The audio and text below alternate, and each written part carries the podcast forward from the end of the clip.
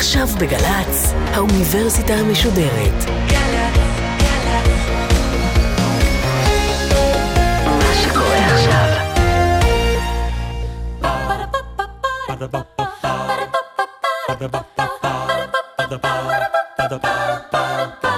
האוניברסיטה המשודרת מציגה מסע סביב רעיון, והסמסטר משחק. והפעם הדוקטור חן אלון, ראש המסלול לתיאטרון קהילתי באוניברסיטת תל אביב, ומרצה במכללת הגליל המערבי על גבולות המשחק התיאטרלי. עורכת ראשית, מאיה גאייר. רשמים מהתיאטרון, ויסלבה שימבורסקה, מפולנית רפי וייכרט. בשבילי החלק הכי חשוב בטרגדיה הוא המערכה השישית. הקימה לתחייה משדות הקרב של הבמה, תיקון הפאות, המלבושים, תלישת הסכין מהחזה, הורדת חבלי התלייה מהצוואר, ההתייצבות בשורה אחת בין החיים עם הפנים לקהל. השתחוויות ביחידות ובקבוצות, כף יד לבנה על פצע הלב, קידת המתאבדת, נדנוד הראש הכרות, קידות בזוגות. הזעם נותן יד לענווה, הקורבן מביט בעונג בעיני התליין, המורד פוסע ללא טינה לצידו של הרודן, רמיסת הנצח בחרטום נעל הזהב. פיזור מוסרי ההשכל בשולי המגבעת. הנכונות ללא תקנה להתחיל ממחר הכל מחדש. כניסתם בשורה של המתים הרבה קודם לכן, במערכה השלישית, החמישית או בין המערכות, שיבתם הנפלאה של העובדים ללא עקבות, המחשבה שהמתינו בסבלנות מאחורי הקלעים, מבלי להוריד את הלבוש, מבלי להוריד את האודם, מרגשת אותי יותר מנאומיה חוצבי הלהבות של הטרגדיה. אבל נעלה באמת היא נפילתו של המסך, והדבר שעוד רואים דרך הסדק. כאן יד אחת מושטת בחיפזון אל פרח, שם השנייה תופסת חרב שנפלה. רק אז, השלישית, הלא נראית, ממלאת את חובתה, אוחזת אותי בגרוני.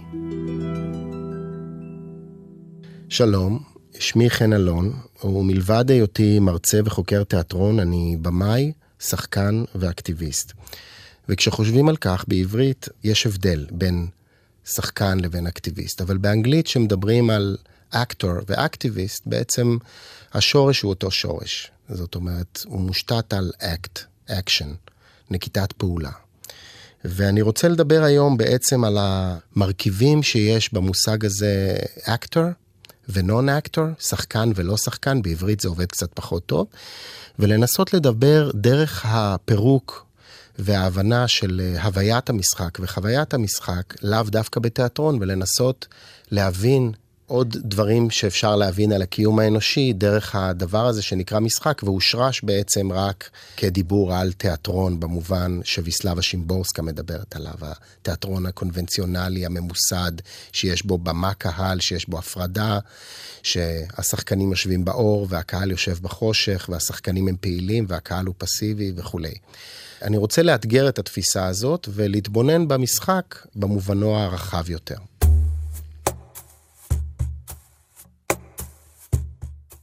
כשאנחנו מדברים בעצם על מושגים כמו actor ואקטיביסט שמושתתים על אקשן, על פעולה, מעניין לראות שהמקור האטימולוגי של המילה דרמה גם הוא בעצם מושתת על dram, פעולה ביוונית.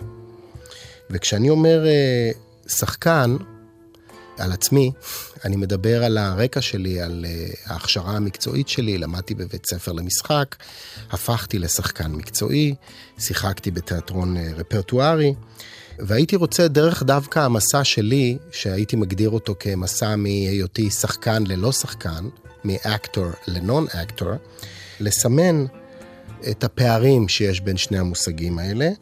והייתי אומר שהשורה התחתונה של כל זה יכולה להיות האמירה של הבמאי הברזילאי אוגוסטו בואל, שעליו אני עוד אדבר היום, הוא אומר, כולם יכולים לשחק, אפילו שחקנים. ואני חושב שהאמירה הזאת שנשמעת כמו הלצה משעשעת, מקפלת בתוכה אה, תפיסת עולם ביחס למושג משחק. אז כשאנחנו שואלים מהו משחק, בעצם התשובה לכך תלויה באת מי אנחנו שואלים. זאת אומרת, אנחנו שואלים אה, אנשי תיאטרון, אומנים, אה, פסיכולוגים, סוציולוגים, אנתרופולוגים, היסטוריונים, אנשי חינוך, זואולוגים, דרך אגב, גם בעלי חיים משחקים. ולכן כשנשאל מהו משחק, אה, נקבל מכל אלה תשובה שונה. מה שכן אפשר לומר על משחק, על כל סוגי המשחק, זה שהוא משותף באמת גם לבעלי חיים מסוימים ולכל בני האדם. אפשר לראות באנגלית שוב, זה עובד יותר טוב, כשמתחילים לדבר על play, game ו-acting, אה, שלוש תצורות של מושגים שבעברית אה, את כולם מכנים בשם משחק. אפשר לראות שלכל סוג כזה של משחק יש אה, פונקציה שונה, והם משמשים דברים שונים בהוויה ובקיום האנושי. אבל יש למשחק מאפיינים מסוימים שמלווים אותו. בכל פעם שאנחנו מדברים על משחק, אנחנו בעצם מדברים על האסוציאציות שנלוות למושג הזה, של משהו קליל, מהנה, מענג, שלא צריכה להיות לו אה, תוצאה. אלא שזאת פעולה ללא תוצאה, שזה משהו בהוויה האנושית שהוא לא צורך קיומי כמו אכילה, שתייה, אה, מין, ובעיקר שהוא איזשהו חיקוי של משהו שהוא לא החיים עצמם. זה נכון גם לגיים, גם לפליי וגם לאקטינג. זה מושג מאוד מאוד חשוב, המושג חיקוי, מכיוון שבערך כך מגדיר אריסטו את המשחק ואת התיאטרון, במושג מימזיס. חיקוי של המציאות שכל מי שמתבונן או שומע יודע, מבין ומפנים שלא מדובר במציאות עצמה, אלא במשהו שהוא כמו. ואריסטו מגדיר את זה פחות או יותר כך, כסימולציה, מערכת של פעולות שדומות לפעולות אחרות, אך לא נושאות בתוצאות של הפעולות האחרות. ובמובן הזה אני חושב כדאי מאוד שוב לחזור לאוגוסטו בועל ולהתבונן במה קרה לנו, בני האדם, עם המשחק. וכדי להסתכל על זה אפשר uh, להסתכל סביבנו, קודם כל על uh, תינוקות. זאת אומרת, אנחנו יודעים מצוין שכשתינוק נולד, uh, מגיל צעיר מאוד, הוא מתחיל להיות אומן. אנחנו כולנו נולדים אומנים ואומניות. אם נניח תינוקת על חוף הים, היא לא תחכה לדיפלומה מבית ספר מקצועי לאומנות פלסטית, היא תתחיל לפסל בחול. כששמים מוזיקה לתינוק מגיל מסוים, הוא מתחיל לרקוד. וזה נראה כאילו הדבר הוא אורגני, הוא ממש נמצא בתוך הגוף שלו ומחולץ על ידי המוזיקה. ועכשיו אני מגיע גם למשחק האחרון שתינוקות אה, משחקים כהתבוננות בשלבי התפתחות, וזה המשחק התיאטרוני, המשחק הגילומי, האמבודימנט. וזה מתחיל מהדבר הזה שאנחנו מכירים אותו של אה, איפה אימא? הנה אימא, אימא מתחבאת מאחורי הקיר ומופיעה. מתבצע בתוך המשחק הזה מהלך שהוא טבעי לגמרי והוא מובן לגמרי לכל הסובבים, גם לתינוק, גם לאימא או לאבא. וגם למי שצופה בזה, לקהל, שכולם יודעים שזה לא אמיתי ואמיתי בו זמנית. זאת אומרת, התינוק נהנה מההופעה הפתאומית של אבא או אימא מאחורי הפינה, מאחורי הספה, ומשחק כאילו הוא לא ידע. והקהל נהנה מההתגלגלות מצחוק של אימא ושל התינוק, בגלל שהוא יודע, מרגיש וחווה תיאטרון במיטבו. אז במובן הזה אנחנו יכולים לראות איך כבר מגיל אפס מתפתח בתוך תינוק או תינוקת היכולת האומנותית אה, הזאת להיות שחקן או שחקנית. ואנחנו שואלים מה קורה ליכולת הזאת שלנו כפסלים, ציירים, רקדנים, זמרים, שחקנים, כשאנחנו מתבגרים. אפשר לחשוב על זה במובן של איך ילדים שמחים ופעלתנים, מלאי עליצות וסקרנות, הופכים למבוגרים בינוניים, פסיביים ומשעממים. וההסבר שאוגוסטו בורל, הבמאי והפילוסוף הברזילאי, נותן לזה הוא שבעצם זהו תהליך של השחתה ודיכוי. זאת אומרת שבני האדם מפסיקים להיות אומנים ברגע שהם מתבגרים, והם מוותרים על הזמרת, על הרקדנית, על השחקן שבהם. אמ, ומעניין להתבונן בזה לא רק דרך הזווית הזאת האינדיבידואלית פסיכולוגית, אלא להסתכל עכשיו דרך הפריזמה הזאת על תולדות התיאטרון. זאת אומרת, להבין איך ההימנעות שלנו מלממש את האומנים והאומניות שבנו, הוא בעצם תהליך דיכוי שהוא גם אינדיבידואלי, אבל הוא גם חברתי קולקטיבי. ובועל אומר על תולדות התיאטרון, ושוב, כשאנחנו מדברים על תולדות התיאטרון בדרך כלל, אנחנו אצלנו, באקדמיה המערבית, מדברים על תולדות התיאטרון המערבי. בדרך כלל מדברים על התיאטרון היווני העתיק, מן הסתם מדברים על ההקבלה לערש הדמוקרטיה, ערש, הערש בעין של החיים החברתיים, התארגנותם הדמוקרטית. וכשמתבוננים על התהליך שקרה, בעצם שואלים למה נולד התיאטרון בעת הזו? ואז צריך להסתכל קצת קודם ולשאול, האם לא היה תיאטרון לפני התיאטרון ביוון העתיקה? ודאי שהיה. כפי שאנחנו רואים שלתינוק יש תיאטרון בתוכו, כך היה לאנושות משחר היוולדה, התיאטרון והמשחק כחלק מהקיום האנושי. ואנחנו יכולים להסתכל על תצורות uh, טבעיות של תיאטרון, ויכולים להסתכל על אילו uh, מופעים תיאטרוניים uh, נערכו לפני שהתיאטרון נכנס לתוך אמפי תיאטרון והתמסד כמחזה, כטרגדיה. ומה שאנחנו רואים זה שהולדת התיאטרון היא בעצם מכל מיני תצורות שהן לא ממוסדות, לא ממוסדרות, לא הם, ממושטרות ומובנות, אלא דיטרמבים יווניים ו, וכל מיני אה, התקהלויות שבהם האומנויות היו מעורבות. אה, לא, לא הייתה הפרדה מוחלטת בין ריקוד, שירה, השמעת קולות, משחק דמויות ותפקידים, אלא משהו הרבה יותר מעורבב, כאוטי, דמוקרטי, אה, רב-קולי, אנרכי. במובן הזה, אפשר עכשיו להסתכל על אה, הכנסת התיאטרון לתוך אולם, או לתוך חלל ארכיטקטוני תחום. To be or not to be, that is the question. לתחום אותו בזמן ובמקום זה תהליך של משטור. תהליך של משמוע במובן של להכניס אותו לסד של משמעת ושל מבנה. וכמובן, מה שבועל מראה זה שיחד עם זה התחילו להיוולד עוד מבנים, כמו למשל שיש הפרדה בין במה לקהל, כמו למשל שיש הפרדה בין פרוטגוניסט, בין האינדיבידואל לבין הקולקטיב. אז באמת מזה נולד הפרוטגוניסט, האנטגוניסט, המקהלה, אבל אם אנחנו מדברים על התצורות הקדמוניות, העתיקות, הם היו ללא גיבור או גיבורה. אה, ללא קונפליקט מובנה, ברור, אה, ללא סדר חברתי. ומושג מפתח שאפשר להתבונן בטרגדיה היוונית, בהתבוננות של אריסטו על התיאטרון ביוון העתיקה, הוא כמובן מושג הקתרזיס. שהוא מושג לכאורה אינדיבידואלי, לכאורה פסיכולוגי, רגשי, גופני, אבל בעצם אנחנו יכולים להתבונן במושג הזה כהמושג הפוליטי הראשון בתיאטרון. מדוע? מכיוון שמה שאריסטו מאפיין את הטרגדיה ואת התיאטרון עם הקתרזיס זה שהצופה, זה האפקט המרכזי שהצופה חווה, והאפקט הזה, מה הוא עושה לו? הוא מרוקן אותו, מזכך אותו, בעקבות החמלה וההזדהות, אה, מאפשר לצופה להזדהות עם הגיבור הטרגי, ובעצם אה, להיטהר מהזעם, מהאי האיזון, מהרגשות השליליים האישיים שיש לו, ומה האפקט של זה? הוא לחזור להיות אזרח פסיבי, מתפקד, מציית, מקבל את המערכות ואת אה, סדרי הכוח הקיימים. בועל טוען שזה בעצם ההתמסדות של התיאטרון, פוליטיזציה שהוא עבר, כלומר הכנסתו לתוך הסד הפוליטי, בעצם הפעולה הזאת הייתה דה-פוליטיזציה. כלומר, להעביר את הפוקוס של הצופה אל עצמו כאזרח פסיבי, מתפקד, מציית, מקבל את uh, uh, מערכות הכוח ומבנה הכוח הקיימים. והדבר הזה בעצם מתחיל מאז, מיוון העתיקה, להוביל לדה-פוליטיזציה, כלומר השחתה, כלומר אשרור וקבלה של מערכות יחסי הכוח הדכאניות בין שלטון לבין נתינים.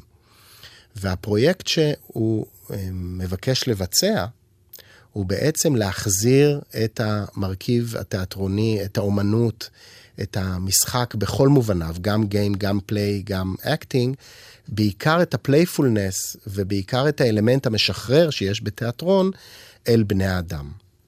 במובנים מסוימים אפשר לשמוע את ההדהוד של התיאוריה המרקסיסטית פה, כי הרי זה בדיוק מה שמרקס טוען, שאמצעי הייצור נלקחו מבני האדם, וכל מה שנותר להם הוא בעצם כוח העבודה שלהם, ובזה הם יכולים לסחור, וזהו בעצם המרכיב שמאפשר לדכא אותם. אז בועל טוען שאותו דבר קרה עם אמצעי הייצור האומנותיים, היצירתיים, הביטויים, שהם נלקחו מבני אדם על מנת בעצם ליטול מהם את אמצעי השחרור שלהם. ובעצם להחזיר את התיאטרון לבני האדם, המשמעות של הפעולה הזאת היא לאפשר להם, להחזיר להם בחזרה את כלי השחרור אה, מדיכוי, גם אישי וגם קולקטיבי. בעצם, אם אנחנו שוב מתבוננים על חוויית המשחק, על הוויית המשחק, דרך העיניים האריסטוטליות, העיניים של מה שאנחנו קוראים התיאטרון הקונבנציונלי, התיאטרון כפי שאנחנו בעצם מכירים אותו היום, שבמרכיבים המהותיים והיסודיים שלו הוא מאוד דומה למה שקרה ביוון העתיקה. אפשר לראות אפילו את, את החוליה האחרונה בשרשרת הזו של התיאטרון האריסטוטלי, נקרא לו ככותרת, את אה, סטניסלבסקי, הבמאי והשחקן ואבי שיטת המשחק, שיטת סטניסלבסקי. שבעצם לקח את כל המרכיבים האלה, שאפשר אפילו לתמצת אותם דרך המילה קתרזיס, כמושג אומנותי, ולראות איך סטניסלבסקי בעצם ממשיך את השרשרת של החשיבה האריסטוטלית עד לכדי גיבוש של שיטת משחק מקצועית, מובנית, מתודית, שהפכה להיות בעצם אבן הראשה של מקצוע המשחק, כפי שאנחנו מכירים אותו מהמאה ה-20. אפשר את הספר המרכזי בשיטה הזאת, שנקראת עבודת השחקן על עצמו, לתמצת באמצעות שבע שאלות, שהוא שואל על עצמו ואחר כך מאוחר יותר הוא ישאל על הדמות כשהוא יעבוד על דמות. אה, למשל, השאלה מי אני? מי אני אה, חן?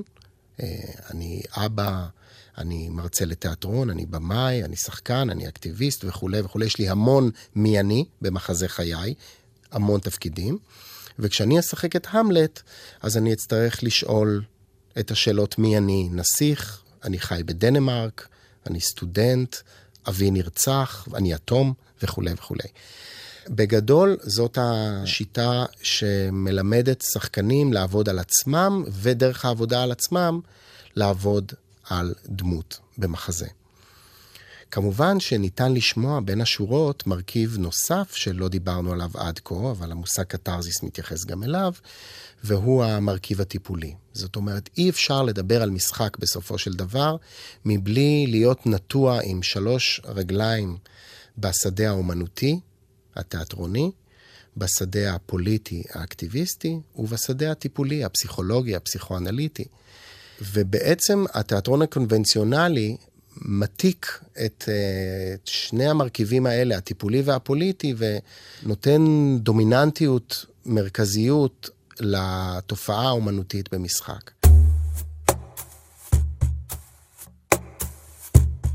ואנחנו רוצים עכשיו לעבור, ל, נקרא לזה, לאופוזיציה, לצד השני של אריסטו וסטניסלבסקי והתיאטרון הקונבנציונלי האומנותי, ולראות כיצד ניתן לקרוא את תופעת המשחק, כיצד ניתן להתבונן אפילו בתיאטרון, בין אם הוא קונבנציונלי או לא קונבנציונלי, כתיאטרון פוליטי, כתיאטרון שעושה פוליטיזציה בניגוד לדה-פוליטיזציה. והכוונה שלי כמובן היא לנושא הדגל, אה, באמת קצת יותר מאוחר מסטניסלבסקי, אבל הייתה, הייתה ביניהם חפיפה גם, והכוונה היא לברטול ברכט, המחזאי הגרמני. אז אם נגדיר שוב את התיאטרון של אה, אריסטו וסטניסלבסקי אלפיים שנה אחר כך כתיאטרון אה, קונבנציונלי, תיאטרון אומנותי שעושה דה-פוליטיזציה, אפשר להתייחס אל ברכט ואל בועל כהקוטב השני. הקוטב שמבקש לבצע פוליטיזציה של התיאטרון. זאת אומרת, אה, לעקר את המימד האשלייתי מהתיאטרון, לא לנסות לעשות כמו המציאות, אלא דווקא לנקר את המציאות. והניכור הוא מושג מפתח אצל ברכט, במובן שהוא מושג מפתח אצל מרקס. במובן שהאדם שה, מנוכר לסביבתו, מרגיש שהוא לא שייך אליה, שהיא לא בבעלותו. והחוויה הזאת של הניכור היא החוויה של החשיבה הביקורתית. ואת זה ברכט מנסה להביא לתיאטרון האפי. קודם כל, התיאטרון לא מושתת על כמו בחיים במובן השקוף, אלא על המושג שההוויה יוצרת את ההכרה, ולא להפך. באיזה מובן? במרחק שלנו מאמצעי ייצור. כלומר, אם נולדתי אני, יש לי כבר הכרה, או אם נולדתי פועל, בניגוד לבעל אמצעים ובעל אמצעי ייצור, ההכרה שלי מושפעת מההוויה הזאת ולא להפך. אז במובן הזה, ברכט מבקש ליצור תיאטרון שמשקף באופן ברור לקהל את יחסי הכוחות במציאות. את uh, חוסר והיעדר הבחירה החופשית שיש לסובייקט האנושי שנולד לתוך מערכות כוח דכאניות. הפרויקט של הטרגיקונים היוונים, כפי שבועל קורא את אריסטו שקורא אותם, זה שלגיבור הטרגי יש בחירה חופשית. הוא תמיד מיטלטל בין הבחירה החופשית לבין הגורל. אז אפשר לתת דוגמאות למחזה האפי, לתיאטרון האפי, למבנה האפי אצל ברכט, בכך שבעצם אפילו מכותרת המחזה, הנפש הטובה מסצ'ואן, שזאת כותרת אירונית, הוא אומר, בעולם כל כך אה, אכזרי, בעולם של יחסי כוחות דכאניים, אין משמעות אם למישהו או למישהי יש נפש טובה או לא. התפקוד החברתי, התפקיד החברתי שאנחנו מגלמים, בו נמצאת החשיבות העליונה לכיצד נפעל, ולא לאופי שלנו או לבחירות שלנו. אה, אותו דבר כמובן לאימא קוראז', כן? שהאירוני שנמצא שם הוא שהסכמה שיש לנו על אימא, שהדבר הכי חשוב לה בחיים הוא לשמור על ילדיה, אבל ברכט עושה זום אאוט ואומר, הדבר הכי חשוב לאימא בעצם במבנה הקיים הוא לסחור בילדיה. והיא משקיעה אותם לטובת המלחמה. זאת אומרת, המסחר והתגמול הכספי יותר חשוב למין האנושי מילדיו. זה המבנה העומק שקיים אצל ברכט. אם להתבונן בברכט ובועל כאופוזיציה לתיאטרון שמבקש לשקף את החיים ואת המציאות ולא לשנות אותם, אז הם מבקשים לשנות גם את המציאות שאת הצופים יוצאים מהתיאטרון אליה, וגם את פני התיאטרון עצמו כמדיום אומנותי שכבר מדכא את המשתתפים בו, גם את השחקנים וגם את הצופים. אני חושב שיש סיפור שאוגוסטו בועל פותח בו את הספר שלו, Rainbow of Desire, בו הוא מתאר שלוש פגישות תיאטרוניות שלו, שמגלם את האפשרויות הגלומות בתיאטרון אה, מלבד האומנות.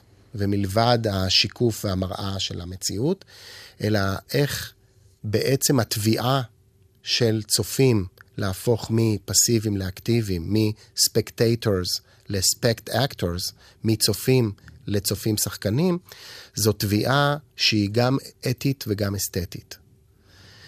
והסיפור הולך ככה. אוגוסטו בועל היה איש תיאטרון ברזילאי, במאי ומנהל אומנותי בתיאטרון הזירה בסן פאולו, ובתקופת הדיקטטורה הוא עשה הצגות מאוד פוליטיות, מחאתיות וכולי. ואחת ההצגות היו הצגות שנקראות אה, תיאטרון תעמולה מתסיס, agitation propaganda, מושג של אירווין פיסקטור, אפשר לומר מורו הראשון של ברכט. ובהצגה הזאת הם הופיעו בפני צמיתים, בפני איכרים ללא אדמות. סוף ההצגה היה הם, אמ, שורה של שחקנים מיישרים קו עם חניתות ועם רובים, ומדקלמים את המשפט, הגיע הזמן לשפוך דם ולשחרר את האדמות שלנו. הגיע הזמן לשפוך דם ולשחרר את האדמות שלנו. בועל מתאר את האיכרים מאוד נרגשים ומחאו כפיים בהתלהבות, וניגש אליו בסוף ההצגה האיכר וירג'יליו, ואמר לו, תשמע, ההצגה שלכם היא יוצאת מן הכלל, היא בדיוק מה שעובר עלינו. והסיום שבו אמרתם, הגיע הזמן לשפוך דם ולשחרר את האדמות, הוא בדיוק מה שאנחנו חושבים שצריך לעשות. אז בואו איתנו עכשיו, נלך לשפוך דם ולשחרר את האדמות שלנו. ובועל אמר לו, לעיקר הזה, לא, אתה לא הבנת. כשאנחנו אומרים אה, לשפוך דם ולשחרר את האדמות שלנו, אנחנו מתכוונים כמטאפורה. אתה יודע מה זה מטאפורה? אז הוא אמר, אה, לא, אני לא יודע מה זה מטאפורה, אבל אני יודע שהגיע הזמן לשחרר את האדמות שלנו. אז בועל אומר, אה, אבל הנשקים האלה שהחזקנו הם לא נשקים אמיתיים, הם נשקים מקלקר, נשקים של תיאטרון. אז וירג'יליו אמר לו, הנשקים אולי לא אמיתיים, אבל אתם בני אדם אמיתיים, ואנחנו מזמינים אתכם להצטרף אלינו. יש לנו פה מחסן נשק, נוציא את הנשקים ונלך לשחרר את האדמות שלנו. אז בועל אמר לו, אנחנו אה, אומנים, ואנחנו צריכים לחזור לסן פאולו. וירג'יליו ענה לו, הבנתי, כשאתם אומרים על הבמה, הגיע הזמן לשפוך דם ולשחרר את האדמות שלנו, אתם מתכוונים לדם שלנו, לא שלכם. והסתובב והלך. ובועל אומר שאז הוא הבין והתבייש בתיאטרון, שמטיף לאנשים לעשות מה שהאנשים שעומדים על הבמה לא מעזים לעשות בעצמם. והוא הבין והפנים את האמירה של צ'ה גווארה, שסולידריות היא משמעה להיות תחת אותם סיכונים. Solidarity is running the same risks. וכשאנחנו כאומנים, כאנשי במה, לא מוכנים לעשות מחוץ לבמה את מה שאנחנו מטיפים לו על הבמה, אנחנו מועלים בתפקידנו. ואז הוא החל לפתח את התיאטרון, כפי שהוא קורא לו, תיאטרון הדרמה הסימולטנית, או דרמטורגיה סימולטנית, שבו באים לקהילות, מציגים בפניהם תיאטרון, ושואלים אותם כיצד ניתן לשנות את המציאות. ואז הוא עשה את זה, והתחילו להעלות אנשים רעיונות לשחקנים לשנות את ההתרחשויות הדרמטיות. ובאחת ההתרחשויות האלה, אישה מבוישת בקהל סיפרה שיש לה בעיה, אבל הבעיה שלה היא לא פוליטית, היא בעיה אישית. בעלה מביא לה קבלות ואסמכתאות על זה שהוא בונה להם בית משותף, והיא אינה יודעת לקרוא ולכתוב, והיא הראתה את הקבלות האלה לחברתה, והחברה אמרה לה, זה לא קבלות, אלה מכתבי אהבה, בעלך בוגד בך. ואז בועל אמר, זאת בעיה פוליטית. היחסים בין גברים ונשים הממוסדים זאת בעיה פוליטית, והתחיל להראות את הסצנריו הזה לקהל, וביקש והזמין אנשים מהקהל אה, לפתור את הבעיות, והציעו המון הצעות, שהיא תשאיר אותו מחוץ לבית, שהיא תנעל את הדלת, וכל ההצעות לא, לא ריצו אותה. ואז אישה אחת בקהל אמר, הייתה מאוד לא מרוצה, ובועל אמר, למה את כל כך לא מרוצה? היא אמרה, מכיוון שכל השחקנים שלך שמבצעים את ההוראות ואת ההצעות האלה, לא יכולים לגלם את מה שאנחנו הנשים באמת עוברות.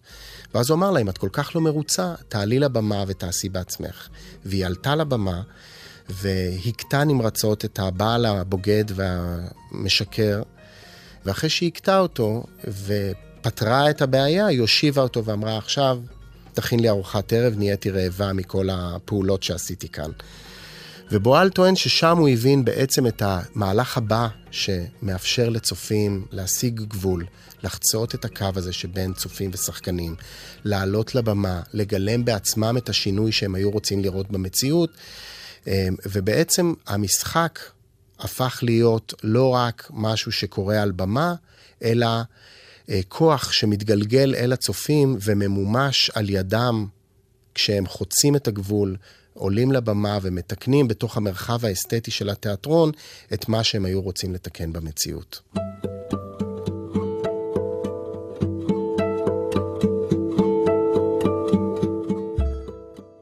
לסכם את ההתבוננות שלנו בתופעת המשחק, בהוויית המשחק, יש לנו, לאנושות, להרוויח הרבה מאוד אם נתבונן על המשחק כאל חוויה, הוויה הוליסטית יותר, ולא פרטיקולרית, אה, ספציפית, אומנות, או טיפול, או אקטיביזם, אלא באמת לראות את כל המרכיבים שיש במשחק, גם ההיסטוריים, גם האנתרופולוגיים, גם הסוציולוגיים והאחרים שהזכרתי, ככוח מניע לבני אדם לשנות את המציאות של החיים שלהם. להתבונן במשחק כאל מרכיבים של התפתחות גם אישית וגם קולקטיבית, ובעיקר כאל אנרגיה אנושית שיש בכוחה לשחרר אותנו גם באופן אינדיבידואלי וגם באופן קולקטיבי.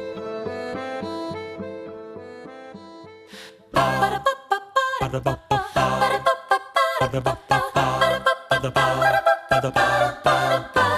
האוניברסיטה המשודרת, מסע סביב רעיון. הדוקטור חן אלון, ראש המסלול לתיאטרון קהילתי באוניברסיטת תל אביב, ומרצה במכללת הגליל המערבי על גבולות המשחק התיאטרלי. אורחות ומפיקות דרור שדות ואחינועם קפון. ביצוע טכני נועם נויפלד. מפיקה ראשית אביגיל קוש. מנהלת תוכן מאיה להט קרמן. עורך דיגיטלי נדב הלפרין. האוניברסיטה המשודרת בכל זמן שתרצו, באתר וביישומון של גל"צ וגם בדף הפייסבוק של האוניברסיטה המשודרת.